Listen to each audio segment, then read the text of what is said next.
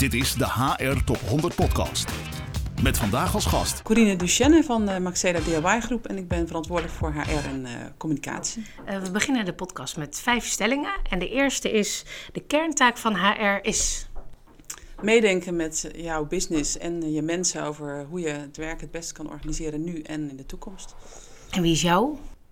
Jou is iedereen eigenlijk. Hè? Eh, al onze medewerkers, of ze nou in de winkel staan of, of hier op het hoofdkantoor. En, uh, en natuurlijk uh, met je mede-collega's die samen proberen met jou de strategie uit te rollen. een goede HR-directeur is? Ja, ik denk duidelijk en concreet in, uh, in wat, je, wat je wilt doen. Ik denk dat HR in het verleden soms ook wel eens meer, uh, ja, wat, wat minder concreet werd gezien. Maar ik denk dat het steeds meer belangrijk is om te laten zien wat je als HR kan toevoegen aan, aan de business. En wat is een voorbeeld van zoiets concreets? Nou, een stukje vooruitgang of een duidelijk beeld van je bedrijf neerzetten. Uh, maar hoort ook een stukje communicatie bij. Het kan een stukje employer branding zijn. Het kan zijn naar buiten laten zien waar je voor staat, waar je naartoe gaat. Um, maar ook concreet uh, wat voor verbeteringen je door kan uh, voeren zodat de business uh, beter kan doen. Het kan van digitalisering zijn tot noem maar op. Concrete okay. programma's. Helder. De, het lastigste van ons vak is. Uh, ja, je wil natuurlijk graag uh, goede dingen doen voor je mensen. En, maar soms zijn goede dingen die je probeert te doen voor de mensen ook wel eens een minder leuke boodschap voor bepaalde individuen. Dus dat is denk ik altijd uh, lastig. En vaak kom je ook in de picture als er een probleem is. Ja. Maar goed, ook heel vaak, als je met name op het stuk learning development kijkt, kan je juist hele leuke dingen doen ja. voor je mensen. Dus, dus van leuk tot helemaal niet leuk. Ja, dus de slecht nieuwsgesprekken blijven eigenlijk toch het lastigste. ja, ja, waarschijnlijk. Minst leuk in elk geval. Ja, ik kan me voorstellen. ja. Het laatste wat ik geleerd heb is. Ja, dat je op een bepaald moment over iets nadenkt van, nou, dat doen we zo, want uh, dat hoeft niet, uh, gaat in de toekomst toch niet gebeuren. Maar dat je dan toch denkt, oh, het uh, kan toch anders lopen. Na een paar jaar had je misschien toch maar wel die clausule opgenomen of wel daaraan gedacht. Ja. Dus dat je wordt ingehaald door de waarheid, ja. bedoel je? Ja. of door de tijd. Of door, ja. ja dat de dingen toch wel, wel eens anders kunnen lopen dan je een jaar geleden dacht. Of zelfs een paar maanden geleden dacht. Dat je dan beter safe dan sorry kan zijn over hoe je iets hebt afgesproken of neergezet. Of, ja. Dus, en, en hoe kan je dat oplossen, zeg maar? Of is dat eigenlijk niet oplosbaar? Mm, nou ja, dus, dus door jezelf op dat moment te challengen van... zal ik toch nog even dat zinnetje erin zetten of toch even daaraan denken. Je kan nooit alles afvangen, maar het is altijd nee. goed om toch van hetgene uit te gaan... wat je nu denkt dat niet gaat gebeuren... dat dat misschien toch wel in de toekomst zou kunnen gaan gebeuren. Dus alle scenario's meenemen die je kan bedenken. Ja, ja, ja, ja, nou ja, en anders los je het weer op een andere manier op. Maar... Oké. Okay. Uh, werken gaat in essentie over ja, heel basic, denk ik. En, uh, kijk, we leven op zich in een rijk land, maar uiteindelijk gaat het toch in eerste instantie om dat je je geld moet verdienen om alle dingen te doen uh, die je leuk vindt. En iedereen heeft zijn eigen levensstandaard daarin. Dus, mm -hmm. uh, um, dus dat is toch punt één, dat je je geld moet verdienen. Maar daarnaast denk ik dat het gewoon super belangrijk is wat voor collega's je hebt. Uh, ik denk dat het makkelijker is om met leuke collega's iets te doen wat je misschien iets minder leuk vindt dan iets wat je heel leuk vindt, maar met hele stomme collega's. Mm -hmm. Dus denk echt in die volgorde. Dus je, je wil je geld verdienen met leuke collega's, maar uiteindelijk als dat even aangenomen dat het leuk is, wil je gewoon vooral uh, ja, dat je voldoening haalt uit je werk natuurlijk. Dat is uiteindelijk waar het om draait. Maar goed, mm -hmm. die twee eerste dingen moeten toch wel kloppen. En als je kijkt naar die derde, wat, wat geeft jou voldoening in jouw werk? Ja, ik ben zelf redelijk actiegericht, dus ik vind, ja, ik heb een goede dag als ik iets bereikt heb. Of als ik uh, zie dat er vooruitgang is. Of dat ik uh, iets leuks kan vertellen. Nou, dit is af, dit is klaar. Uh, stap vooruit gemaakt. Dat is denk ik... Vandaar ook jouw, net noemen van concrete dingen. Ja, ja, ja, ja, ja, ja. nee, dat klopt. En uh, je noemde geld als eerste, is gezien jouw achtergrond misschien ook niet heel gek. Want uh, zou je iets kunnen vertellen over jouw uh, carrière tot nu toe? Ja, nou, dat antwoord had trouwens niet met mijn voorgaande carrière te maken. Ik denk dat het gewoon meer de basics zijn van het leven. Maar inderdaad, ik heb een finance achtergrond. Ja, dus ik heb, wat was het, bijna twintig jaar nu in retail gewerkt. Waarvan dus inderdaad ja, het merendeel eigenlijk uh, ja, in business control-achtige rollen. Veel strategische plannen gemaakt. En uh, ja, eigenlijk nu pas sinds drie jaar het HR-vak ingerold en communicatie. Dus dat is echt wel, uh, ja. wel een switch. En hoe is dat gegaan, die, die switch? Nou, ik was eigenlijk al wel langer toe aan gewoon verandering in de zin van mezelf verbreden. Maar goed, mensen moeten het soms ook maar net in je zien of het moet maar net op je pad komen of het moet voor elkaar weten te krijgen. -hmm. En ik zat eigenlijk op een gegeven moment in een situatie waarin de HR-directeur die er op interim basis zet uh, wegging. En uh, nou ja, ik had wel aangegeven, ik zou een heel andere functie ook willen doen. Ja. En toen werd mij gevraagd van, nou, zou je dat niet willen doen? En toen was ik eigenlijk verrast, maar wel heel blij. Want na zoveel jaar is best wel eh, leuk en bijzonder dat je gewoon eh, iets helemaal nieuws mag beginnen. En natuurlijk weet iedereen wel iets van HR, of iedereen denkt dat hij iets van af weet. Ja. Maar in elk geval is het dan toch, eh, ja, toch eventjes eh, wennen aan het idee dat je opeens er iets van eh, kan en mag vinden. Ja, ik kan me voorstellen. En, en wat neem jij mee van je oude vakgebied in HR? Ik kan me voorstellen dat het veel toevoegt ook. Ja, nou, het is natuurlijk handig om, je analytische capaciteit en, en het eh, doorrekenen van dingen, wat toch ook altijd bij HR gaat om veel geld. Hè. Eh, bij sommige bedrijven is, eh, is bij wijze van spreken de, de menscapaciteit het enige wat je uitgeeft. Nou, hier is dat niet zo natuurlijk, maar toch wel eh, het grootste gedeelte. En daarna hebben we natuurlijk de huren van onze winkels. Maar het is gewoon een belangrijk element van, van ook het winstgevend houden van je bedrijf. Dat je, Ja. Eh, je moet natuurlijk mee met alle cao's en, en, eh, en de markt. Maar je moet ook zorgen dat hè, die grootste Ja. kostencomponenten... Ik praat niet graag in kosten over mensen, maar Ja. dat je die ook onder controle houdt om je Ja. business winstgevend te houden. Het allerbelangrijkste stukje omzet, maar goed, alles wat daarna komt, eh, speelt allemaal samen. Ja, en, en toen je in, in het ge- vakgebied kwam, wat, wat trof je toen aan? Ik ben benieuwd naar je eerste... Je bent natuurlijk al helemaal nieuw. Sceptische mensen. Oh ja? Nou ja, die denken van, hé, hey, met welk doel komt die hier? en eh, wat gaat ze doen? En wat gaat ze veranderen? En eh, die weet er toch helemaal niks van, want het is echt wel een vak. Ja, ja, ja. En mensen verwachten ook wel eh, dat je meteen een visie hebt, terwijl het mij echt overkwam. En ik had niet bewust, zeg maar, eh, op HR aangestuurd of zo. Dus opeens is dat dan zo binnen een paar weken. En, eh, en dan verwachten mensen eigenlijk al dat je een concrete visie hebt. Nou, die heb je op bepaalde punten altijd wel. Maar op andere heb je echt wel even tijd nodig, vind ik zelf. Dat is meer hoe ik in elkaar zit. Van. Ik wil eerst gewoon even snappen hoe de dingen werken. En, en wat dingen ervaren. Voordat ik me heel erg ga uitspreken over eh, wat ik vind of wat ik wil. Ja. Eh, nogmaals, op sommige gebieden veel makkelijker dan op andere. Ja, En, eh, ja, dus moet je jezelf even een beetje eh, bewijzen. ja, En ja. mensen moeten een beetje gevoel bij krijgen. En, en ook wel, als je net binnen bent, merk je ook wel dat de HR-populatie veel meer op zoek is naar, eh naar zingeving. Of in elk geval meer van waarom doen we dit allemaal? Wat, waarom zijn we hier op aard? ja. En eh, ja, als je dus net uit het niets begint eh, en die visie ook nog even moet ontwikkelen, dan dat hangt allemaal samen natuurlijk. Dus daar heb je gewoon heel even, even tijd voor nodig. En omschrijf dat dus, wat, die zoektocht van HR. Hoe, hoe ziet dat eruit of waar komt dat door? Nou, ik denk mensen kiezen uiteindelijk niet voor niks voor HR. Heel veel mensen hebben daar zelfs bewust voor gekozen tij- tijdens hun studie en willen dus graag met mensen samenwerken of, eh, of in elk geval op dat vlak in het bedrijfsleven of waar dan ook eh, bezig zijn. Dus die, ja, die vinden het menselement en het menselijke ook wel heel belangrijk. En dat, dat linkt natuurlijk al heel snel eh, naar, naar zingeving en naar waar doen we dit voor of waar, waar gaan we naartoe, ook heel belangrijk. Mhm. En ik denk eh, dat eh, mensen in finance eh, uiteindelijk dat ook belangrijk vinden hoor. Uiteindelijk wil iedereen aan naar iets toe werken en aan een doel werken. Maar het zijn toch iets meer, voor mijn gevoel, in het moment of in het opleveren van of in het deliveren van dingen. en iets minder waarom zijn we hier op aard. En. Dus het was filosofischer vakgebied bijna. Ja, of ja. Oh, grappig. Ja, ja. ik wel, ja. En was er, ook, eh, was er ook iets verrassends? Dat je dacht van, oh, dat had ik niet gezocht in het vakgebied. Of, dat, eh, of iets wat je, op, wat je opviel? Nee, nou ja, kijk, eh, soms denk ik dat mensen natuurlijk wel denken dat het HR-vak makkelijk is. En ik denk ook qua achtergrond, zonder het te bagatelliseren, denk ik ook dat je wel vanuit dis- verschillende disciplines dit kan doen. Mhm. Inderdaad, dat je eh, bij, bij hele specifieke inkoopfuncties of finance functies moet je toch misschien wel een beetje achtergrond eh, hebben. Ja. Of, of wat dan ook. Of marketing. Maar, en, en HR heeft natuurlijk ook heel veel specifieke dingen. Ja. Ehm, maar ik denk wel dat als je, zoals in mijn geval, een redelijk team om je heen hebt, dat je door goede mensen om je heen te hebben, dat je zelf niet alles hoeft, eh, Ja. hoeft te weten. Dat helpt Ja. natuurlijk heel erg. En ja, je merkt wel dat, eh, dat het inderdaad goed te doen is zonder dat je daar heel erg achtergrond in hebt. Ja. Maar dat je het ook niet inderdaad moet onderschatten.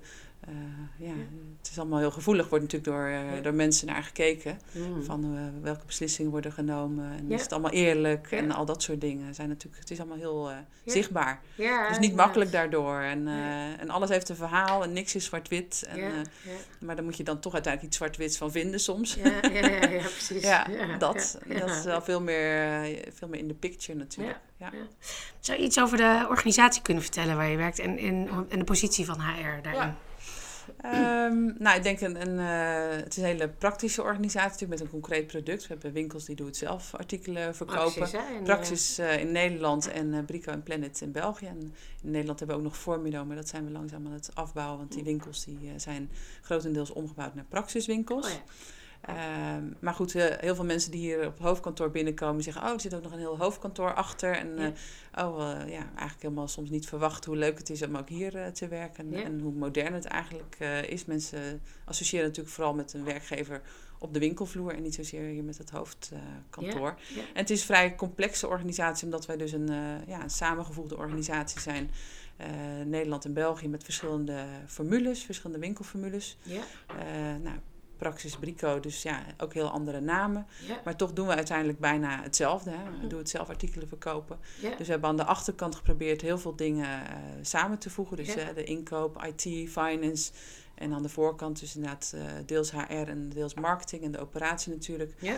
Eh, dat dat toch meer lokaal blijft. Omdat eh, er toch behoorlijke verschillen zijn, cultuurverschillen. eh, Ja. dat Ja, voordat we hem aanzetten hadden we het daar even over. hè? de dat podcast klopt. dat er ja, ja. een groot cultuurverschil is tussen Ja. Ne- Nederland en Ja. België. Ja, dus, eh, en ook sommige producten simpelweg al anders zijn eh, in Nederland dan in België. Dus, dus je, ja, je moet een goede balans vinden tussen wat je gezamenlijk kan doen en, Ja. eh, en wat, je, wat je apart doet. Zeg maar. Ja. Dus het is best, best in die zin een complex eh, bedrijf dat we een matrixorganisatie zijn. Ja. Die over eh, twee landen heen eh, Ja. werkt met toch wel hele verschillende culturen en, eh, en behoeften. Ja, en veel indirect eh, beïnvloeden zit daar dan bij, eh, waarschijnlijk, of niet? Ja, nee, dus, dus het werkt niet eh, om te zeggen van eh, we doen het hier zo, dus doen we het daar ook zo. Nee. Eh, en dat probeer ik soms natuurlijk wel een beetje, te, of heel erg zelfs, te stimuleren.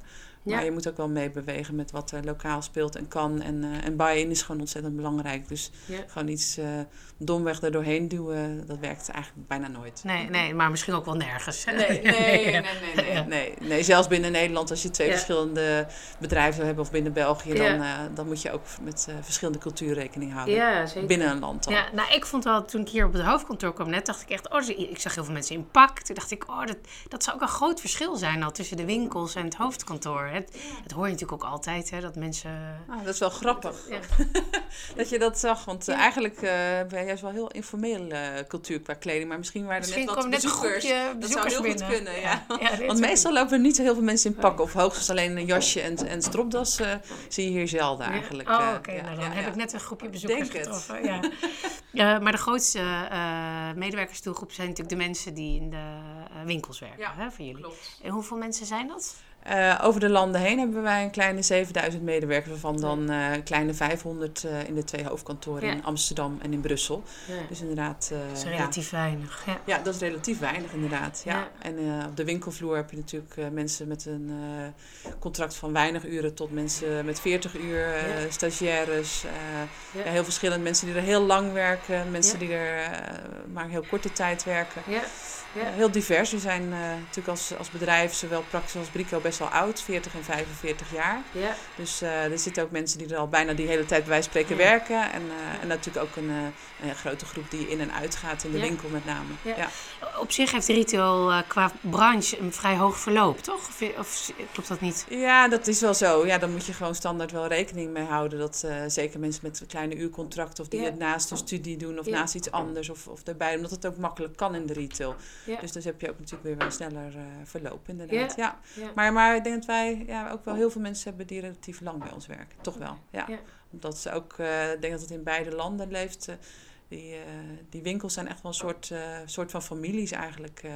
Er zijn ook daadwerkelijk wel eens onderlinge relaties bijvoorbeeld. Of, eh, Oh ja. of mensen die gewoon eh, ja, zo hun, eh, hun draai hebben gevonden in de winkel. Dat ze daar ja, heel lang blijven werken. ja. En is dat een gewenste situatie? Of, eh, Ehm, nou ja, kijk, mensen die gewoon trouw zijn aan je bedrijf, eh heeft natuurlijk superveel voordelen. Kijk, een enkele keer slaat het ook door.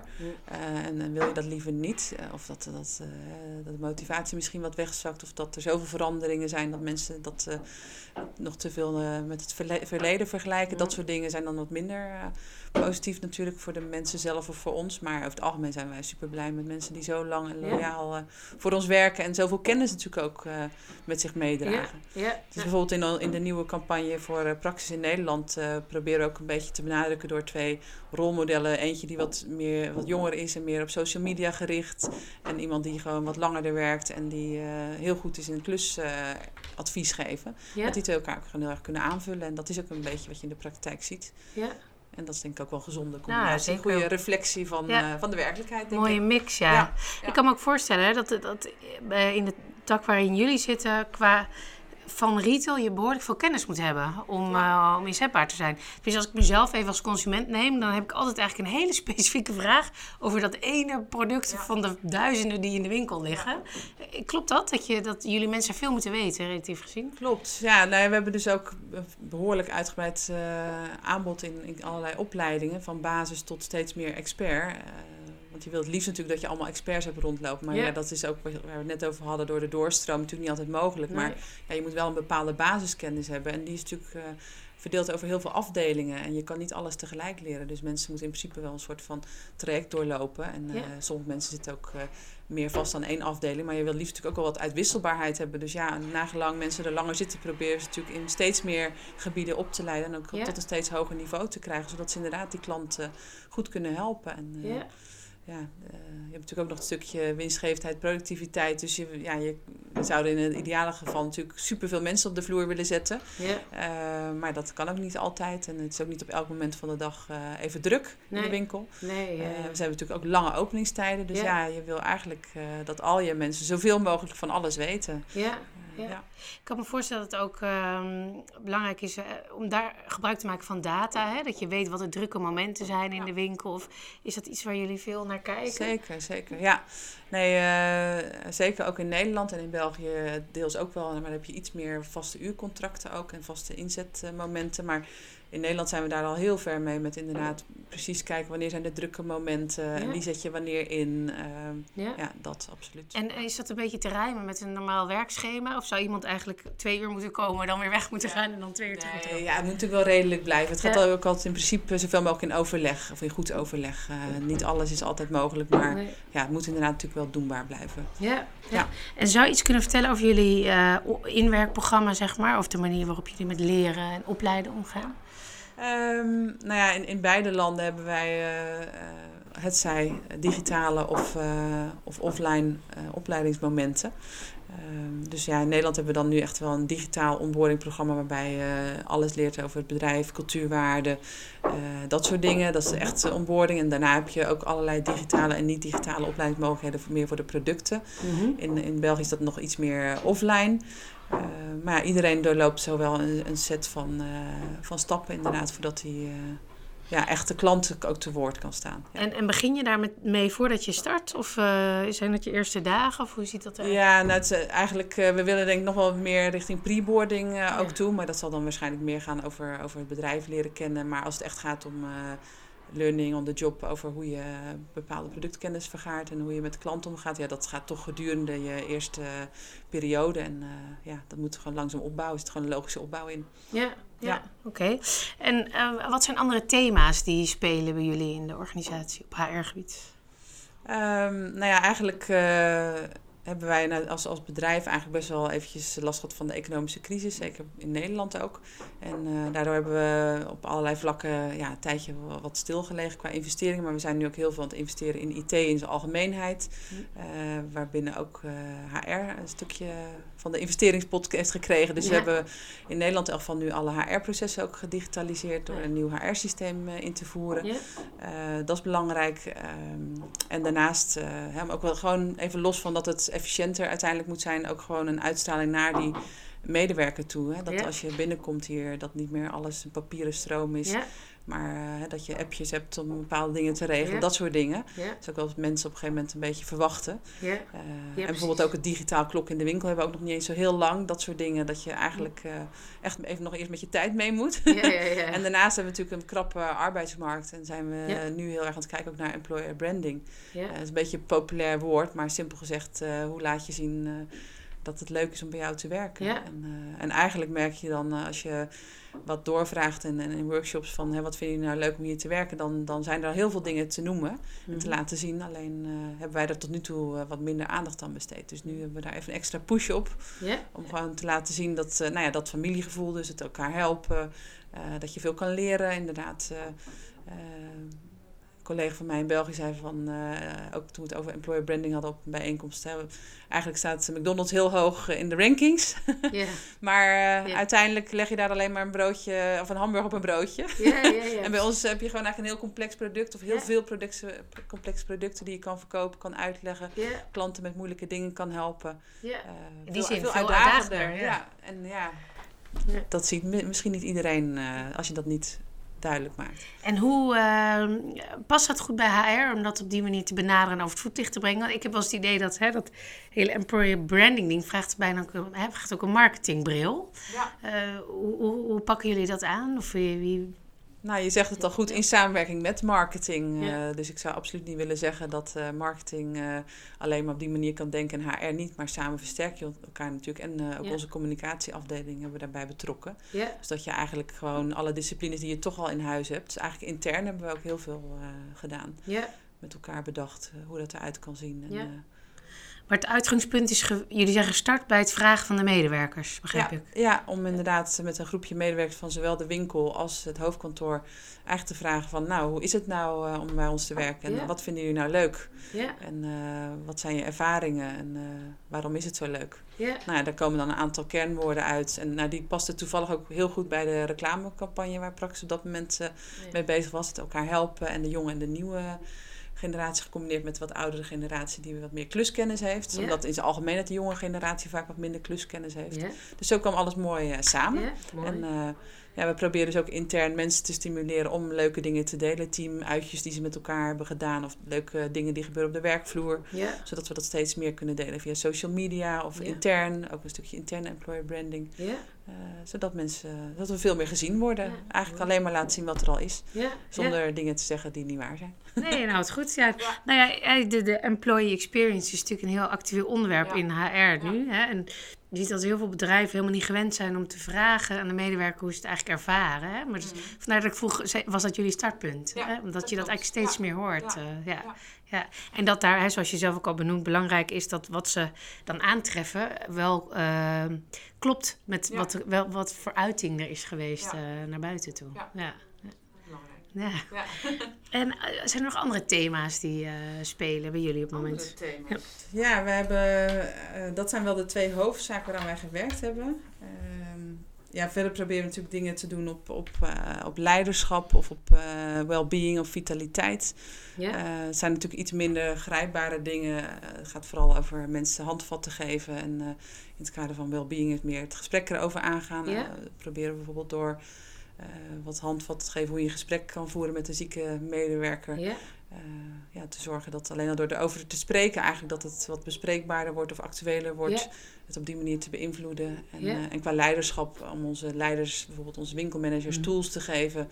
eh, om eigenlijk die extra stap nog weer te zetten of even te refreshen wat ze eerder hebben geleerd. Dus als winkelmanager moet je ontzettend veel dingen managen. Van, eh, Ja. van voorraad tot eh, je pool van mensen, eh, je dagelijkse omzet, alle acties. Je moet op zoveel dingen letten. ja, dus ja, in de waan van de dag is het nog wel eens zo dat je er zo met de uitvoering bezig bent. Dat je Ja. weer eventjes een stapje terug moet doen van hé, hey, hoe kan ik nog mijn leiderschap nog weer beter inzetten om nog weer die resultaten van die winkel beter te krijgen of om mijn mensen gemotiveerd te krijgen. ja.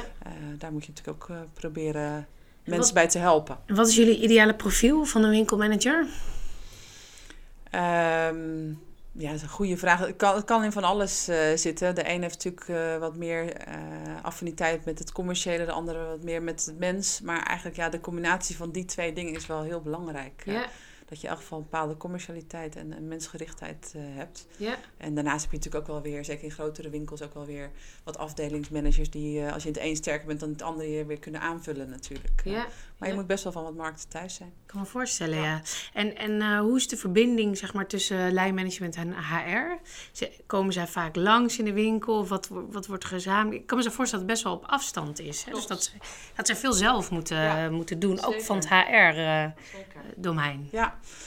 Nee, dus ehm, eigenlijk hebben we in beide landen het principe dat er haar businesspartners zijn uh, voor de winkels. Ja. En een haar, haar businesspartner voor het hoofdkantoor. Maar inderdaad, in het hoofdkantoor ben je veel zichtbaarder natuurlijk en letterlijk uh, hè, aan te raken. Ja. In, de, in de praktijk in de winkels hebben wij dusdanig veel winkels en medewerkers dat de haar businesspartners maar ja, één keer in de zoveel tijd bij een winkel uh, kunnen komen. En, en daarnaast vooral natuurlijk via mail en een Ja. nieuwe HR-systeem en, en telefonisch bereikbaar zijn. Of als er echt een issue is of een probleem is, komen ze uiteraard langs. Maar Ja. je bent als winkelmanager inderdaad veel meer eh, zelf in de lead qua aanname van mensen, van problemen Ja. oplossen. En eh, inderdaad, dus het people-stuk is, eh, is echt wel een heel, heel stuk Ja, van een winkelmanager. Ja. ik kan me voorstellen. En hoe ehm, doen, doen jullie de beoordelingscyclus?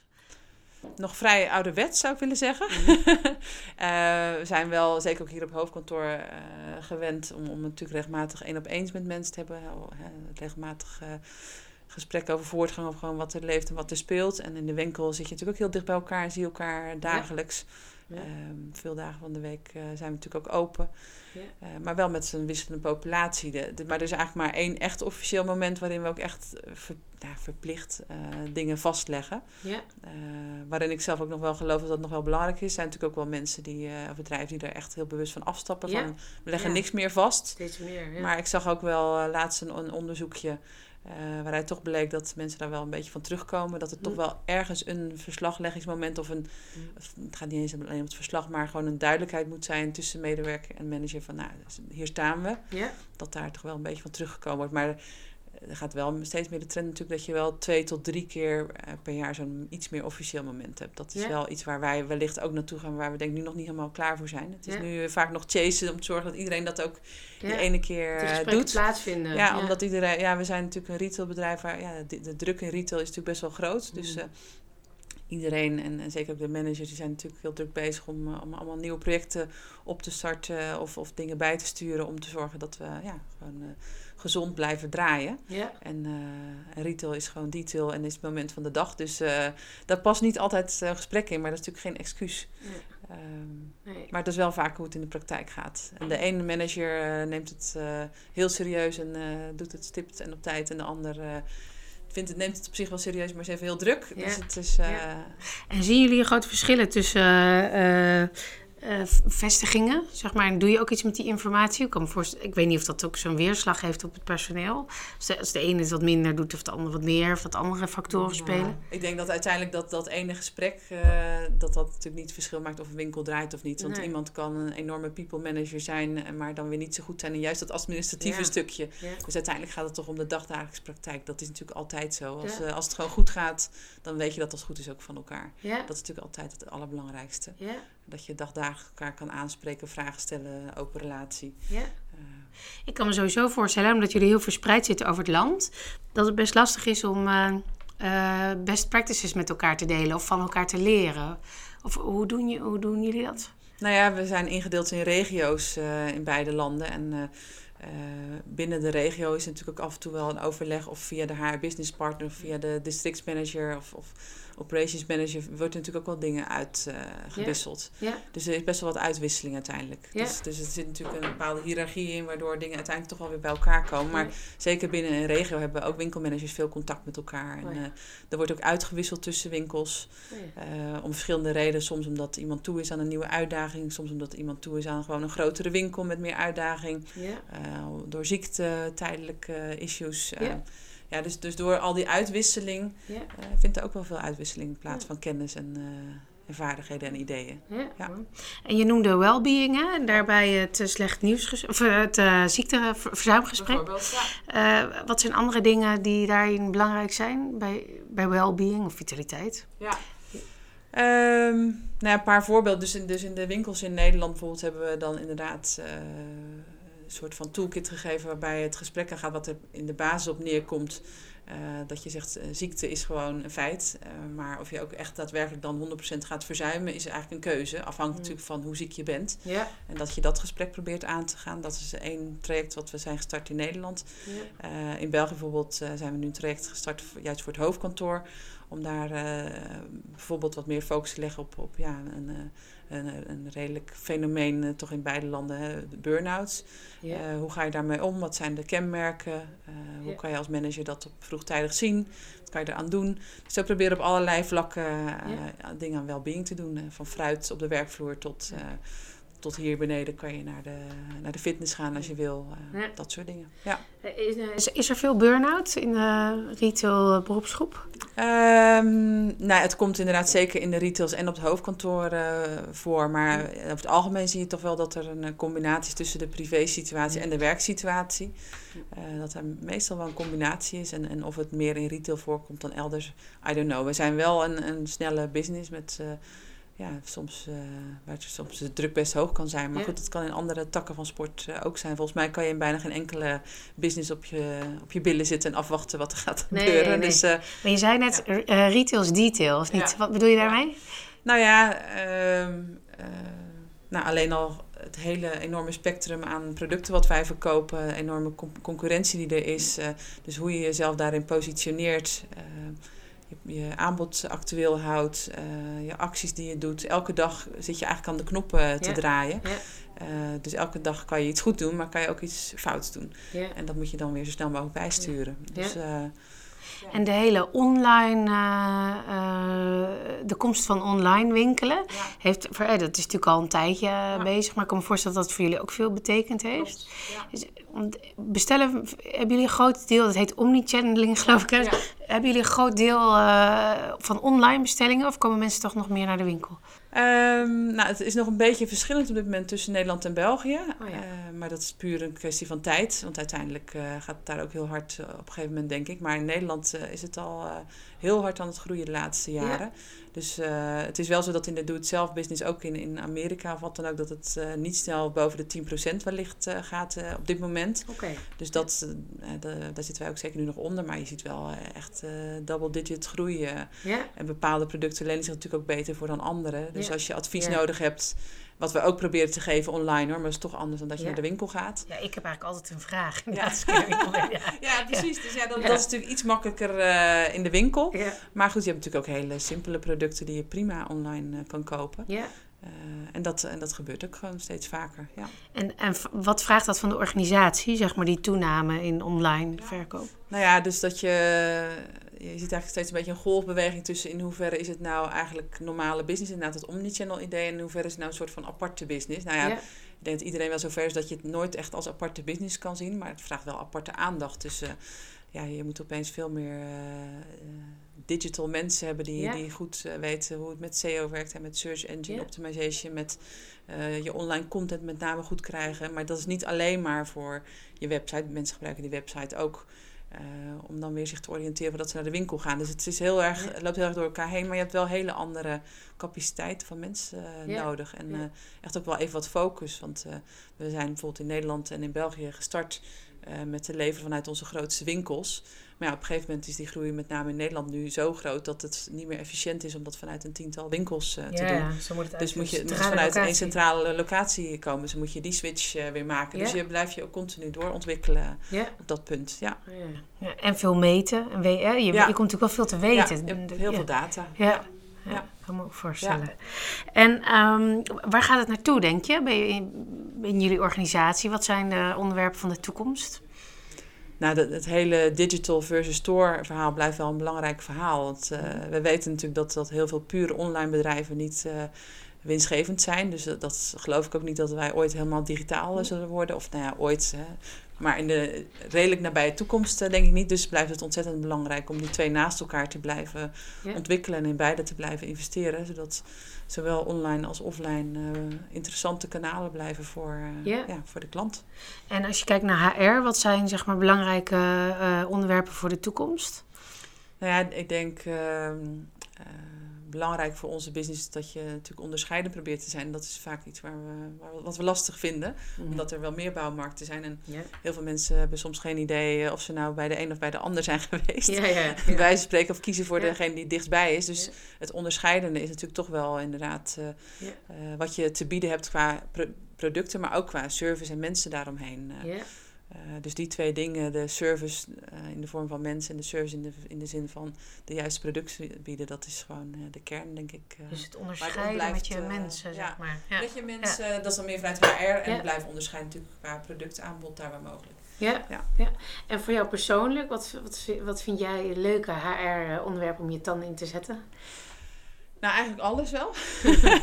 maar natuurlijk, uh, er zijn soms wat drogere onderwerpen, soms wat leukere onderwerpen. Dus ja, het leukste is natuurlijk als je iets neer kan zetten uh, wat echt bijdraagt aan, uh, ja, aan, aan nou ja, van klant tot interne medewerker. Ja. Dat ze echt merken dat er iets verandert. Dat hun werk makkelijker wordt of dat we zichtbaarder worden. Dat soort dingen zijn heel leuk. Ja. En ik vind het uh, vergeleken met mijn finance tijd, uh, hè, dat hangt natuurlijk een beetje af van hoe groot is je finance afdeling en welke middelen heb je. Maar daar ben je toch veel meer bezig met alle cycli, met alle rapportages, met, met plannen maken. En, en het repeteert ook meer. En natuurlijk heb je bij HR ook uh, repeterende zaken en beoordelingsrondes. En bepaalde dingen. Maar ja, ik heb hier iets meer uh, het gevoel dat ik wat meer dingen kan veranderen of in gang kan zetten of kan vernieuwen, yeah. verbeteren. En dat het ook meer zichtbaar is voor, voor alle mensen eigenlijk. Yeah. Voor uh, de medewerkers en indirect ook voor de klant. Dus je kan sneller resultaat laten zien. Ja, en, uh, ja.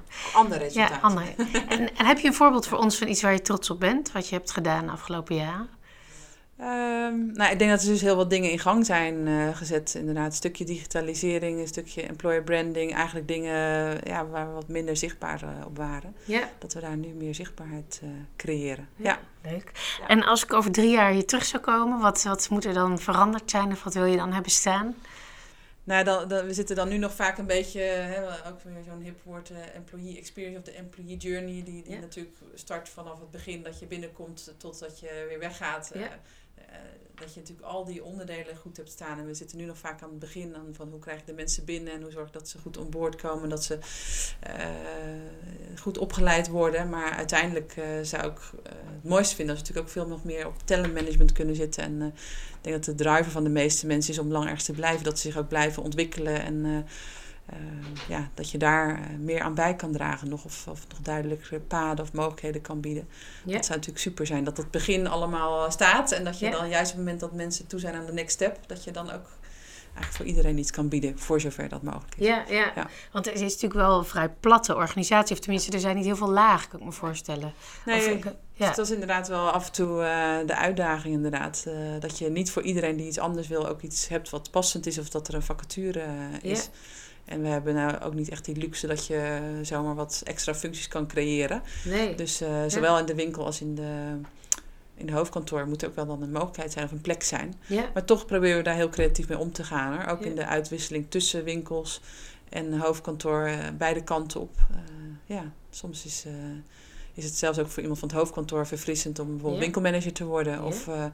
of andersom, wat iets vaker misschien gebeurt. Uh, mensen vanuit de winkel die uh, bijvoorbeeld hele specifieke expertise meenemen. Wat ze al in hun winkelfunctie hebben gedaan. Dat dan nu op landelijk niveau bijvoorbeeld of op, op Benelux niveau kunnen gebruiken. Om, ja, om het voor de winkels makkelijker te maken. Dat is ook heel waardevol kan ik me voorstellen. Klopt. Ja, om die dat, kennis te gebruiken. Ja. Ja. Ja. want we staan soms best wel als hoofdkantoor eventjes op bepaalde momenten ver af van de werkelijkheid. Ja. En dan heb je juist een mooie mix of uh, neem je die praktijkervaring mee. Ja, ja. mooi. Ja. Nou, dankjewel. Volgens mij uh, hebben we alles gehad wat we wilden vragen. Of ben ik nog iets vergeten? Iets wat we nog moeten bespreken? Ik kan het niet zo snel bedenken. Dus, uh... Nou, bedankt voor het gesprek. Graag gedaan. Dit is de HR Top 100 Podcast.